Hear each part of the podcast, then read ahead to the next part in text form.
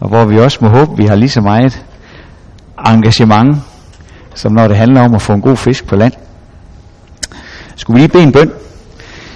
Kære far i himlen, tak fordi vi kan lytte til dit ord. Tak fordi vi kan samles her og høre om dåben og alt, hvad du har gjort for os. Vi beder om, at du må gøre det levende i vores hjerter, og at du må forny os igennem det. Amen. Jeg vil gerne øh, begynde med at sige, at på en måde er det jo lidt ærgerligt, at det er mig, der står her i dag.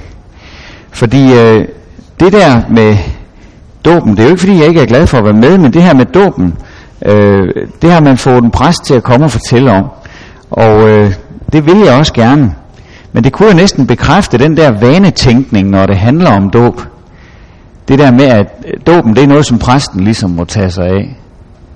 Og så, øh, og så bedstemor, fordi den, den er også øh, vigtig for, for bedstemor af en eller anden grund. Hun mener også, at, at den har stor betydning. Så er der mange, der tænker om dåb i dag, tror jeg. Egentlig tror jeg, mange går med nogle ubesvarede spørgsmål i forbindelse med dåb. Øhm, dem må man så håbe, at de professionelle og bedste møderne har svar på. Men selv der overgår man ikke rigtigt at gå ind i det. Det er sådan lidt uoverskueligt, alt det der øh, snak om, om dåben. Øhm, dåben ser fin ud hen i kirken, og så må det ligesom være nok med det. Og der vil jeg gerne øh, indledningsvis øh, citere Wilhelm Beck, øh, den gamle formand for Indre Mission for mange år siden, der jo sagde, at det forhold, du har til din barnedåb, det forhold har du til din kristendom. Kan jeg vide, om han havde fat i noget her? Hvis han havde det, øh, så er det jo ikke så godt at holde dåben ude i strakt arm, eller overlade den til præsten eller familiens gamle. Så er det jo faktisk noget, som vi skal have fat i alle sammen. Og der er noget, der tyder på, at han har ret, når vi læser om dåben i vores Bibel. Her ser det ud til, at dåben har med selve kernen i kristendommen at gøre. Ja, vi får lige frem at vide, at dåben giver et nyt liv. Og det skal vi prøve at se på i dag. Vi vil prøve at gå til kilden over dem alle, det nye testamente, fordi det er her, vi får viden om dåben. Vi skal læse nogle af de allermest centrale steder, der handler om den nye virkelighed, der gælder for et døbt menneske. Og jeg skal hilse at sige, at det er stærke sager. Øh, det er meget langt fra sådan den slags, som man bare kan overlade til præsten og bedstemor og, og andre særligt interesserede. Det er simpelthen øh, kernestof øh, for alle kristne mennesker, det her. Vi kaster os lige ud i det, og vi får nogle skriftsteder på, øh, på tavlen undervejs, som Harry vil sørge for. Tak for det. Vi skal til 1. Peters brev, kapitel 3. Øhm, her har Peter talt om Noas ark, som en profeti om den dåb, der senere skulle komme. Den kristne dåb, altså vores dåb. Og så fortsætter han. Det vand, altså syndflodsvandet, er et billede på den dåb, som nu frelser jer. Ikke en fjernelse af lægemets navs, men en god samvittighedspagt med Gud ved Jesu Kristi opstandelse. Dåben er det vand, som nu frelser os, siger apostlen. Ja, så kan dåben jo ikke bare være noget, der angår præsten og bedstemor. Den er heller ikke bare en hyggelig tradition, eller navngivningen af en ny samfundsborger. Der ligger meget mere i det. Den er ikke bare et højtidligt indslag i gudstjenesten. Det, der står her, er, at når vi er frelst, så er det fordi, vi er døbt. Fordi vi har fået det vand, som nu frelser os. Det var ligesom øh, fanfaren til indledningen. Dåben er det vand, der frelser. Så skal vi til apostlenes gerninger. 22.16. Vi husker, at øh, Paulus, som oprindeligt hed Saulus, øh, var optaget af at forfølge de kristne. Men på vej ind i byen Damaskus, der mødte han Jesus, der viste sig for ham i et syn og gjorde ham blind. Det var som om Jesus øh, viste ham, at han ikke kunne se sandheden, fordi der var noget, der stod i vejen for ham. Men der var en kristen mand, Ananias, som derefter blev sendt af Gud, for at lægge hænderne på ham, så han kunne få synet igen. Og så sagde Ananias til Paulus, Vores fædres Gud har udvalgt dig til at kende hans vilje og se den retfærdige og høre ham tale med egen mund. For du skal over for alle mennesker være hans vidne om det, du har set og hørt. Hvorfor tøver du? Rejs dig og lad dig døbe og få dine sønder vasket af, i det du påkalder Herrens navn. Igen meget stærkt ord om dåben. Dåben er stedet, hvor vi får vores sønder vasket af. Det er godt nok vigtigt. Apostlenes Gerninger 2, 37. Da Peter havde holdt sin pinseprædiken, vi husker, at i Helligåndens kraft havde han fået den her frimodighed til at træde frem, den her jævne mand. Og han prædikede, så englene sang. Da han holdt sin pinseprædiken, der står der om tilhørende, at det stak dem i hjertet. Og de spurgte Peter og de andre apostle, hvad skal vi gøre, brødre? Og Peter svarede, omvend jer og lad jer alle døbe i Jesu Kristi navn til jeres sønders forladelse. Så skal I få Helligånden som gave. Så der ser vi altså begge dele, både søndernes forladelse og Helligånden er knyttet til den kristne dåb. Vi får søndernes forladelse, og vi får Helligånden som gave. Igen meget stærkt. Titus, kapitel 3, skal vi have fat i nu. Øh, her står der noget om, hvordan dåben genfører, altså fører os igen, øh, og fornyer os ved Helligånden. Titus 3 fra vers 4. Men da Guds, vor frelsers godhed og kærlighed til mennesker blev åbenbart, frelste han os. Ikke fordi vi havde gjort retfærdige gerninger, men fordi han er barmhjertig. Det gjorde han ved det bad, der genføder og fornyer ved Helligånden, som han i rigt mål udgød over os ved Jesus Kristus, vor frelser. Hvad betyder det? Det betyder, at når man bliver døbt, så sker der en ny fødsel. Der sker en ny begyndelse, hvor vi bliver fornyet. Vi begynder forfra, denne gang sammen med Jesus. Og det er Helligånden, der er på spil. Nu skal vi til Efeserbrevet, kapitel 5. Det er der, vi har de her dejlige vers med ja, hustavlerne der med, eller hustavlen med mandens og kvindens indbyrdes forhold i et kristent ægteskab. Smuk, smuk tekst.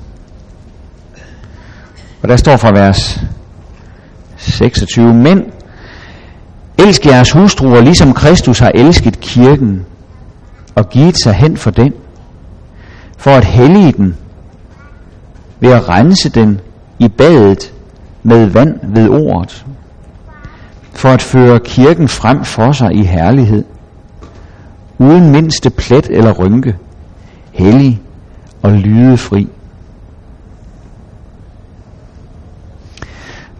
Der er jo pletter og fejl på os fra fødslen af, øh, åndeligt talt. Set med Guds øjne, der er der masser af pletter og fejl at få øje på. Og Det har ikke noget at gøre med, at vi ikke er elsket af Gud.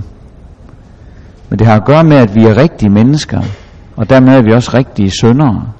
Derfor har vi de der pletter og fejl. Vi har synden i os. Men så er det Jesus, han har givet sig hen for os i kærlighed. Netop for at rense os i dåbens bad, står der her. For at rense os. Sådan at vi kan blive fremstillet som rene for Gud. Det er det projektet går ud på. For at vi kan blive helt lydefri. Det betyder fejlfri. Uden mindste fejl. Det kunne ske, fordi Jesus har givet sig hen for vores synd. Fordi han har båret straffen for vores synd. Så det er altså et bad, der renser og fremstiller os rene for Gud, dåben. Galaterbrevet kapitel 3.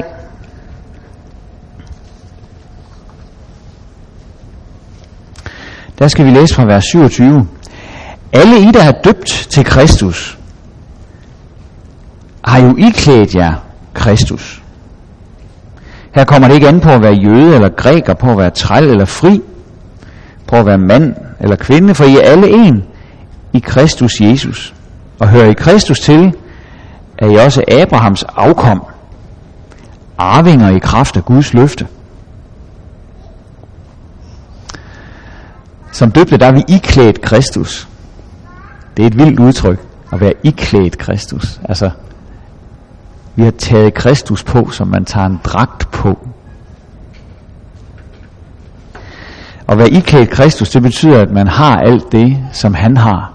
At det gælder for os, alt det, som Jesus har. Og Jesus, han er Guds retfærdige søn. Når vi bliver døbt, så kommer vi i, i ly hos ham. Så må vi tage hans retfærdighed på som en dejlig ren dragt, der dækker os. På den måde, der ser Gud kun Jesu retfærdighed, når han ser på os.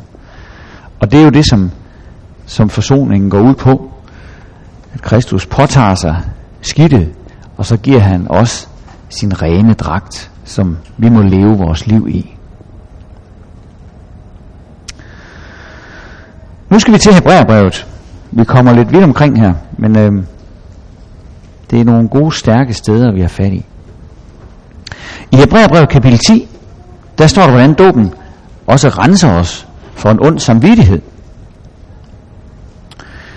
Vers 22 i kapitel 10. Lad os derfor træde frem med oprigtigt hjerte, i en fast tro og bestænket på hjertet, så vi er befriet for ond samvittighed og med lægemet badet i rent vand. Dåben den opretter en god samvittighedspagt mellem Gud og os. Her bestænker Gud os. Det vil sige, at han gør os øh, hellige. Han gør os udvalgte. I Gamle Testamentet, der læser vi om det der med at blive bestænket. At det var noget, der foregik ved ganske særlige lejligheder. Øh, for eksempel så blev alderet og tempelinventaret bestænket med blod fra offerdyr, for at blive gjort hellige til brug, for at blive indviet. Og vi hører også om, at Moses han stænkede offerblod på alderet og på folket, der stod forsamlet. Det var et tegn på, at de var udvalgt af Gud, at de var indviet til at være hans folk. Nu er det ikke blod, vi bruger ved dåben, men vi bruger vand. Og når dåbens vand bestænker os, så får vi del i Jesu blod. Så får vi del i den frelse, som han har skaffet. Den frelse, som er en opfyldelse af de mange profetier, som Gamle Testamentet giver. Der er jo sådan en grundtanke i Bibelen, at synd må sones med blod. Der finder ikke tilgivelse sted, uden at der flyder blod, står der i Hebræerbrevet. Sådan er det også her. Dåben er det sted, hvor Gud han giver os del i Jesus zoneblod for vores synder, så vi kan have en god samvittighed over for Gud. En god samvittighedspagt. Og så skal vi til Romerbrevet kapitel 6. Og det er jo også et kernested, når vi taler om dåb. Ikke at vi måske rigtig forstår Romerbrevet kapitel 6, men der står, hvordan det forholder sig. Og det må vi tro. Romerne 6 og så fra vers 3, der læser vi, eller ved I ikke, at alle vi, som er blevet døbt til Kristus Jesus, er døbt til hans død. Vi bliver altså begravet sammen med ham ved dåben til døden, for at også vi, sådan som Kristus blev oprejst fra de døde ved faderens herlighed, skal leve et nyt liv. For at vi vokset sammen med ham ved en død, der ligner hans, skal vi også være det ved en opstandelse, der ligner hans. Når vi døbes, så vokser vi sammen med Kristus. Øh, tænk bare på billedet af vintræet og grenene. den der organiske forbindelse, som Jesus han bruger et andet sted i Johannes kapitel 15. Vi bliver sat ind i Kristi læme. Vi vokser sammen med ham. Det betyder, at hans øh, liv og død og opstandelse også løber over i os. Der er direkte forbindelse, organisk forbindelse. Ligesom saften fra et træ øh, løber over i den kvist, der er podet på det her træ. Romerbrevet og andre skrifter i Nye Testamente beskriver dåben som en død. En død. Vi dør bort fra vores gamle liv. Der sker en begravelse af det gamle. Men dåben er også en opstandelse. Den er begyndelsen på noget nyt, som står op af vandet ved Guds mægtige kraft. Den samme kraft, som også oprejste Jesus fra de døde. Dåben er begyndelsen til det nye liv sammen med Kristus. Det liv, der aldrig skal høre op. Og denne her virkelighed bliver også beskrevet i Johannes evangeliet i kapitel 3. Her bliver der jo talt om det her med at blive født på ny. Født ovenfra. Og det er det næste sted, vi skal have fat i. Johannes kapitel 3 fra vers 3. Øh, vi har den her natlige samtale mellem Jesus og Nikodemus. Øh, de sidder der i nattens mulm og mørke og fører en, en dyb snak. Måske fordi det var lettere for Nikodemus at snige sig hen og få den her samtale uset, når det var om natten. Og Nikodemus han, han spørger til det der med at blive født på ny. Hvad er det da for noget? Og Jesus, han svarede ham, står der, sandelig, sandelig, siger jeg dig, den der ikke bliver født på ny, kan ikke se Guds rige. Nikodemus sagde til ham, hvordan kan et menneske fødes, når det er gammelt? Det kan da ikke for anden gang øh, komme ind i sin mors liv og fødes. Jesus svarede, sandelig, sandelig siger jeg dig, den, der ikke bliver født af vand og ånd, kan ikke komme ind i Guds rige. Det, der er født af kødet, er kød, og det, der er født af ånden, er ånd. Og der sætter Jesus jo en streg under, at det er Guds under, der må til, for at dåbens under kan ske. Der skal ske en ny fødsel ved åndens kraft. Og Guds ånd har vi ikke fra fødslen. Fra fødslen, der har vi kun en kødelig natur. Det vil sige, vi står Gud imod, vi vil det modsatte af ham. Vi har ryggen til ham. I dåben derimod, der fødes vi af ånden, der fødes vi af Gud selv ved en ny åndelig fødsel, hvor vi vendes om, hvor vi gør os til Guds børn, hvor vi bliver arvinger i kraft af den her fødsel, hvor vi bliver søskende til de andre kristne, hvor vi kan se frem til at arve Guds rige osv. Det er en række stærke tekster om dåb øh, i det nye testamente. Det er klart, det er det nye testamente, vi skal have fat i, og når vi går på top der og ser, hvad står der egentlig om dåben, så er det stærke ting, der står. Hold da op. Ikke bare noget for præsten eller bedstemor, men for alle kristne. Det, som vi lægger mærke til her på vores lille vandring igennem det nye testamente, det er, at så godt som alle de mest centrale udtryk for frelsen, de bliver knyttet sammen med dåben. Vi har set dem på skærmen. Dåben er det vand, som frelser. Det er dåben, som gør det. Søndernes forladelse og helligånden får vi i dåben.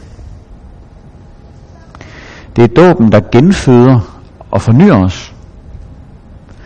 Og det er dåben, der gør os rene for Gud ved at iføre os Kristus.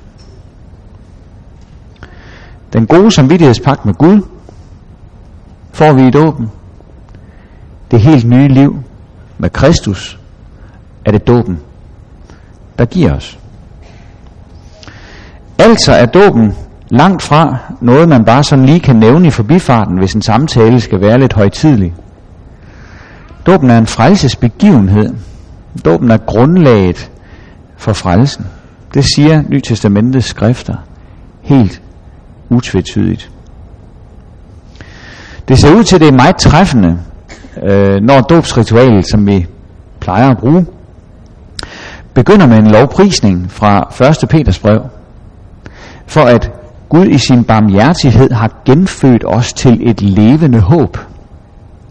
Altså at der er tale om en egentlig nyskabelse, når et menneske bliver døbt.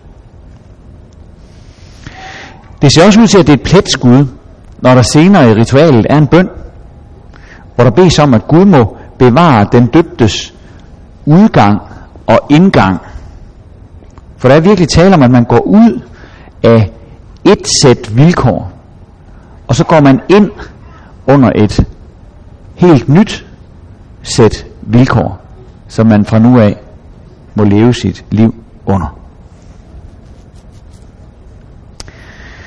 I Bibelens tale om dåben, der er der slet ikke alle de her forbehold, som vi er blevet så vant til.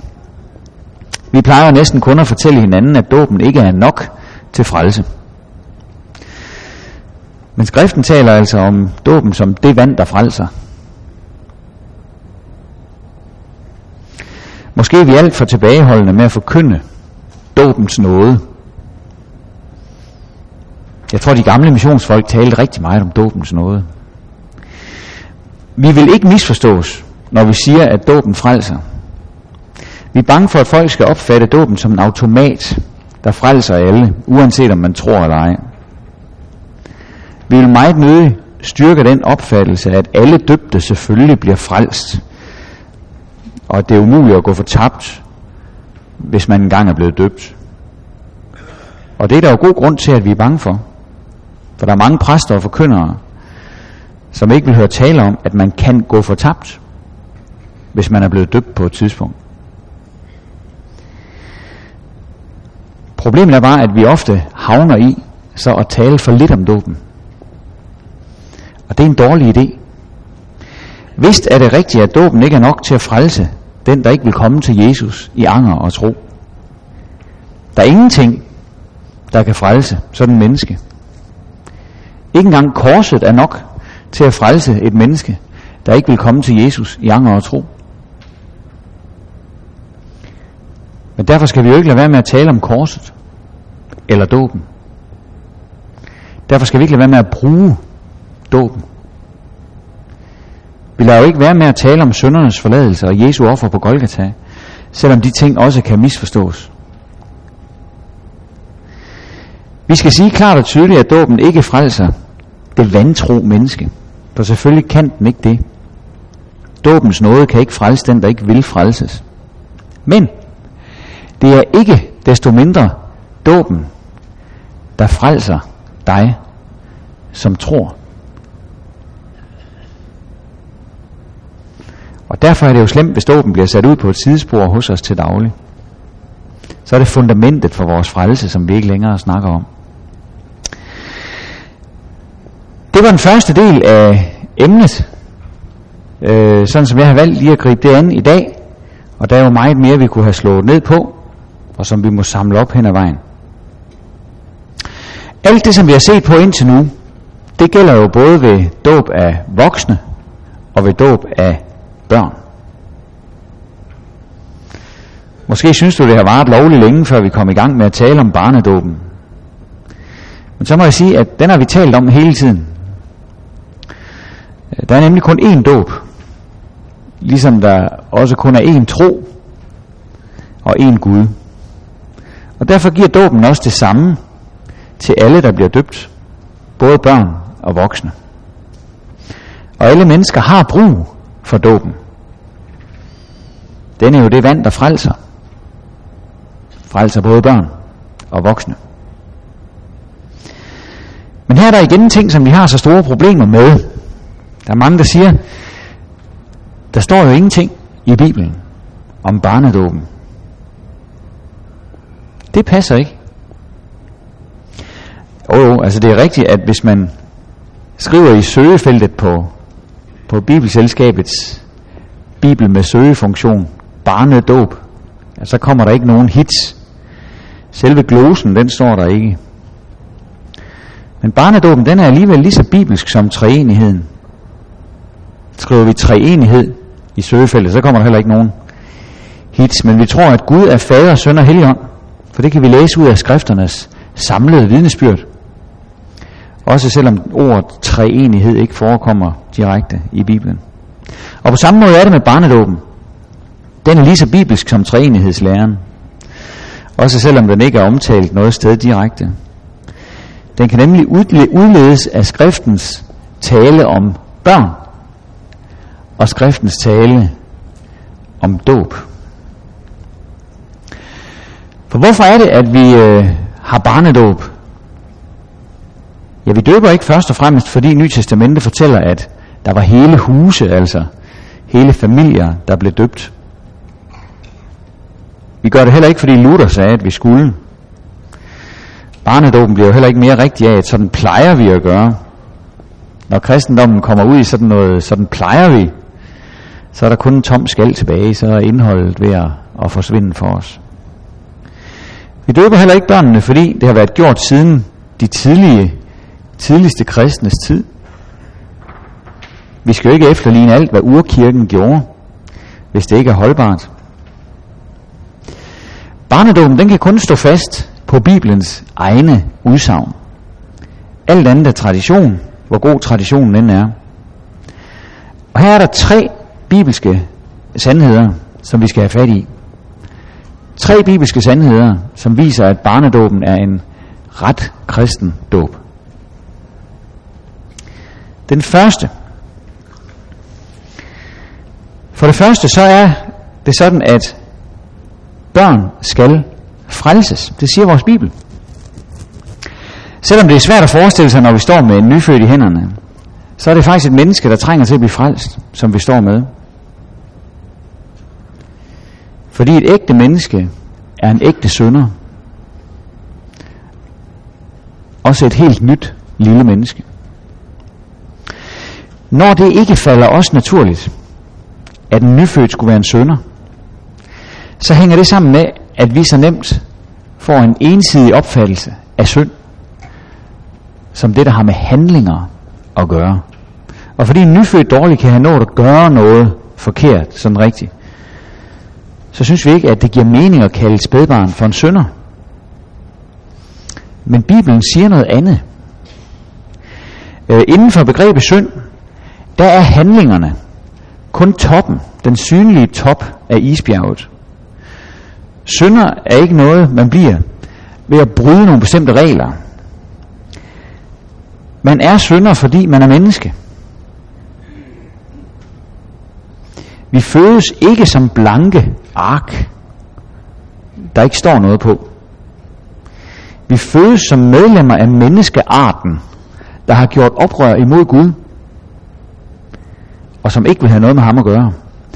Og fordi menneskeslægten har en længsel bort fra Gud, en længsel efter det modsatte af det, som Gud vil, så er vi af natur vredens børn, står der i Kolossenserbrevet kapitel 2, vers 3.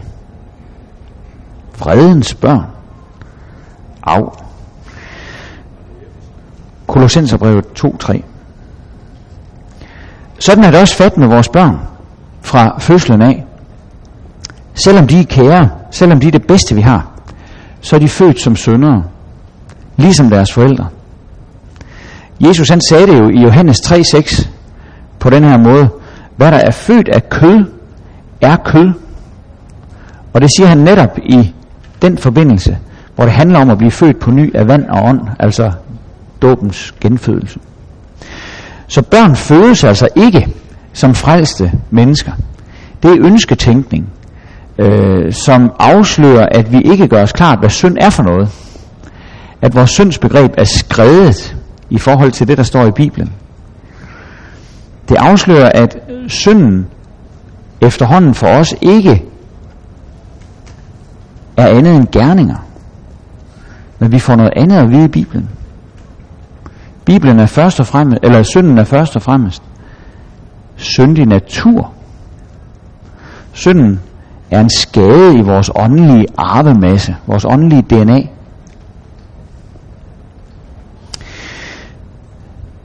Det er den ene øh, grundsætning, kan man sige, at børn skal frelses. Og for det andet, der bygger barndåben på den bibelske sandhed, at dåben frelser. Det passer slet ikke godt sammen med vores menneskelige tankegang, men som vi har set der forbinder Nye Testamente næsten alle de centrale udtryk for at være frelst med dåben. Bliver knyttet sammen med dåben. Det er dåben, der renser fra synd. Det er den, der genfører til et nyt liv med Kristus. Det er dåben, der giver syndernes forladelse, osv., osv. De kristne brødre og søstre, der er tilhængere af voksendåb, mener ikke, at spædbørn har brug for dåben. Der er ingen tvivl om, at de er levende optaget af, at deres børn skal blive frelst, men de mener ikke, at de små behøver den. Og det er kernen i spørgsmålet. Når vi diskuterer barnedåb eller voksendåb, så handler det ikke først og fremmest om timing eller alder. Det handler om, hvad dåb og synd er for noget. Er synden noget, som vi fødes med, eller er synden noget, der først kommer efterhånden? Og er dåben en erklæring fra min side, eller er den Guds erklæring? Bibelen siger, at dåben er den frelsesbegivenhed, som Gud lader ske med os, for at vi kan frelses fra det, vi er, ikke bare fra det, vi gør. Dåben frelser. Tredje grundsætning, hentet ud af Bibelen, ja, den er, at øh, der ikke findes noget i Nyt Testamente, der forbyder os at døbe vores børn. Man kan sige sig selv, der vil det jo være en tynd begrundelse for, for barnedåben. Men den står heller ikke alene. Når de to andre kommer først, når børn virkelig trænger til frelsen, fordi de er født som fortabte syndere, og når dåben er det vand, der frelser, så er det da det naturligste af alt, at vi kristne så også vil døbe vores elskede børn. Og hvis man med vold og magt skulle undgå det, så ville vi have fået et forbud imod det.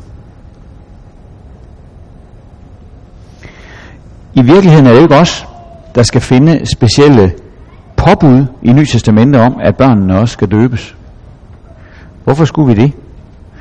Børnene hører jo med til folkeslagene, som Jesus bød sine disciple at gå ud og døbe og lære. Og derfor indbefatter dåb som missionsbefalingen også børnene. Ja, alt hvad Bibelen siger om menneskers synd og Guds kærlighed til syndere, gælder også børnene. Bibelen regner nemlig børn for rigtige mennesker. Det kunne vi godt trænge til at høre noget mere om i vores tid, hvor for eksempel de ufødte børn må fjernes, fordi den gældende lov fratager dem deres menneskeværdighed. Børn er også mennesker. Det vidste Jesus. Det vidste jøderne. Guds udvalgte folk har altid vidst, at børnene skulle indlemmes i pakten med Gud for at blive medlemmer af paksfolket. Under den gamle pagt, der havde vi omskærelsen, som var det her sted, hvor drengebørnene blev indlemmet. Så kunne de og deres fædrene hus være en del af folket. Men, er der nogen, der siger, spædbørn, de kan jo ikke tro.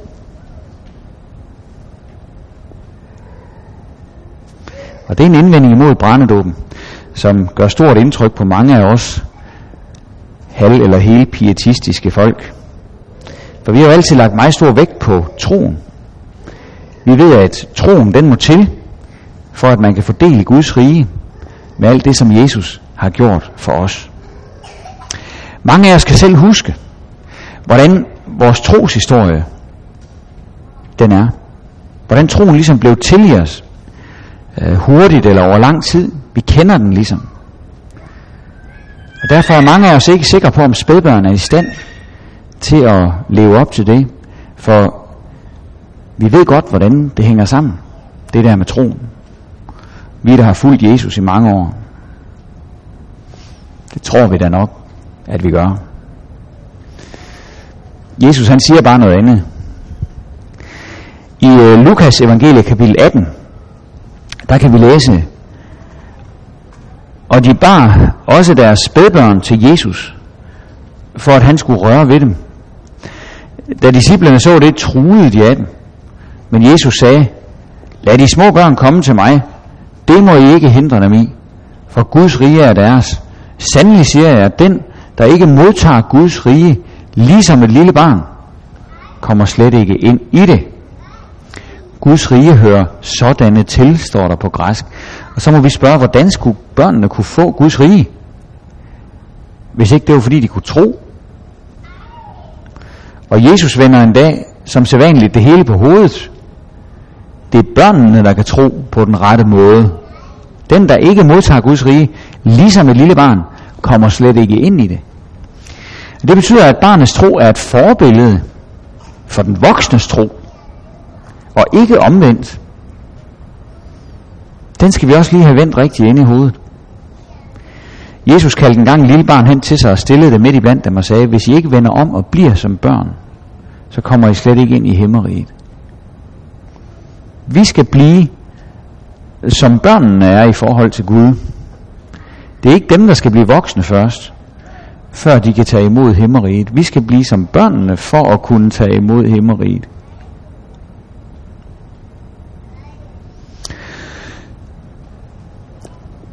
Måske har du også siddet hen i kirken en søndag og undret dig over det her ritual, øh, hvor præsten med navns nævnelse spørger et spædbarn, om han eller hun tror på Gud Fader, på Jesus Kristus og på Helligånden.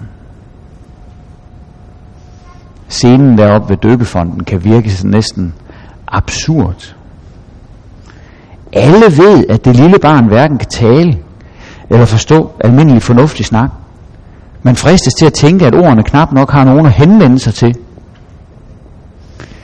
Barnet er jo ikke i besiddelse af de simple evner, som en almindelig samtale kræver. Hvordan kan vi så spørge et spædbarn med navns nævnelse, om det tror på Gud Fader, Jesus Kristus og Helligånden?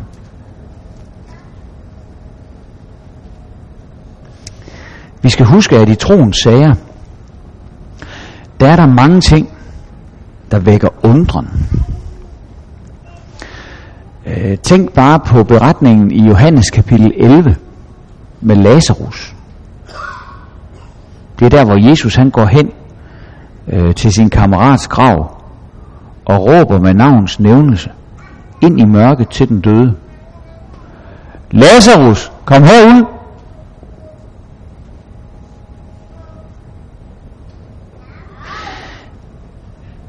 Virker det ikke mindst lige så underligt som tilspørgelsen til det lille barn?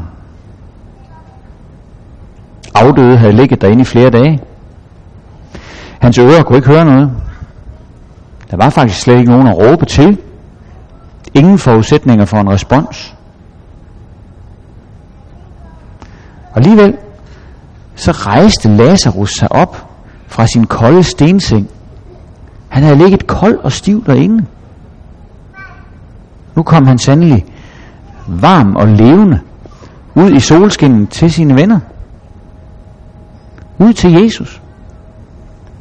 Genfødt. Nyfødt.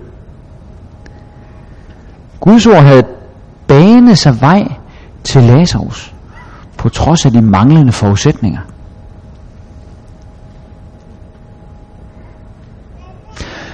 Guds ord kan tale til et øre, som blodet er størknet i. Så stort må vi tro om Guds ord. Det kan give et spædbarn troen, når det kunne gøre Lazarus levende. Børnene frelses ikke af fadernes tro. Børnene frelses ikke af menighedens tro. Men når de bæres frem til Kristus under menighedens forbøn, så vil Herren selv tale sit ord til dem, og han vil kalde troen frem i dem på en måde, der overgår vores forstand. Ordet har styrken til det.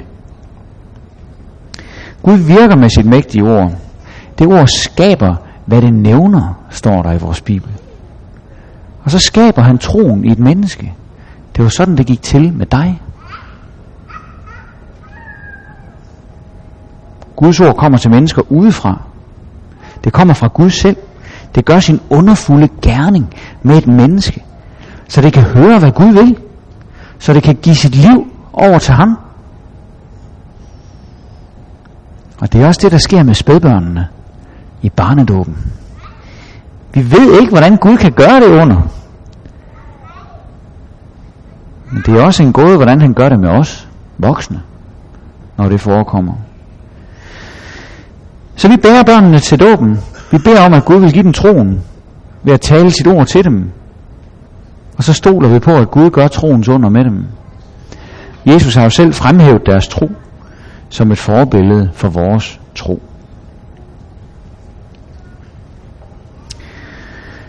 I barndåben, der døber vi derfor ikke børnene på forældrenes tro eller på fadernes tro. Vi døber dem heller ikke på kirkens tro, sådan at kirken ligesom tror for dem. Men vi tror, at fadernes og kirkens tro kommer børnene til hjælp ved at bære børnene hen til ham, så de kan høre Guds ord, ved at bede for dem. Ligesom den lamme i Kapernaum, han blev båret af nogen, der troede. De havde fidus til, at det her ville hjælpe. Den lamme blev ikke frelst af vennernes tro, sådan at de troede for ham, men han blev frelst ved sin egen tro. Men hans troende venner, de hjalp ham, så han kunne komme til Jesus og få sin egen tro af ham. For der er ikke nogen, der bliver frelst af andres tro. Ikke en eneste. Man må have sin egen tro for at blive frelst. Men andres tro kan hjælpe en, så man kommer hen til Jesus og får sin egen tro af ham. Det er det, der kan ske, når nogle troende inviterer andre med hen for at høre Guds ord for køns. Og det er det, der sker, når vi bærer børnene hen til Guds ord, der lyder ved dåben. Selvfølgelig er der forskel på at få troen som voksen og få den som barn. Den voksne gør sig jo som regel mange overvejelser og tænker meget dybt over tingene, før han eller hun giver sit liv over til Gud. Det kan de små børn af naturlige grunde ikke gøre. Deres fornuft er jo ikke udviklet endnu. Men skal man have en udviklet fornuft for at kunne tro? Skal man det? Luther han har sagt noget om det engang, om de ufornuftige børn og dåben. Netop fordi de er uden fornuft og ubegavede, er de bedre skikket til at tro, end de voksne og fornuftige, som fornuften altid står i vejen for, så de ikke kan få deres store hoveder igennem den smalle port. Her skal man ikke se på fornuften eller dens gerninger. Her virker Gud alene, og fornuften er død, blind over for dette, som en ufornuftig sten. Så fornuften, den er altså ikke nogen betingelse for tro. Det var spædbørn møderne bare hen til Jesus, og som Jesus fremhævede som forbilleder for mennesker med en frelsende tro. Jesus viste os, at det er barnets tro og tillid, der er skriftens ideal, og ikke den voksnes fornuftige tro. Og derfor er problemet ikke, om børnene kan finde ud af at tro som voksne, men om vi kan finde ud af at tro som småbørnene. Og her vil vi slutte gengangen og samle os i bøn. Kære far i himlen, vi beder om, at vi altid må have barnets barnlige tillid til dig. Amen.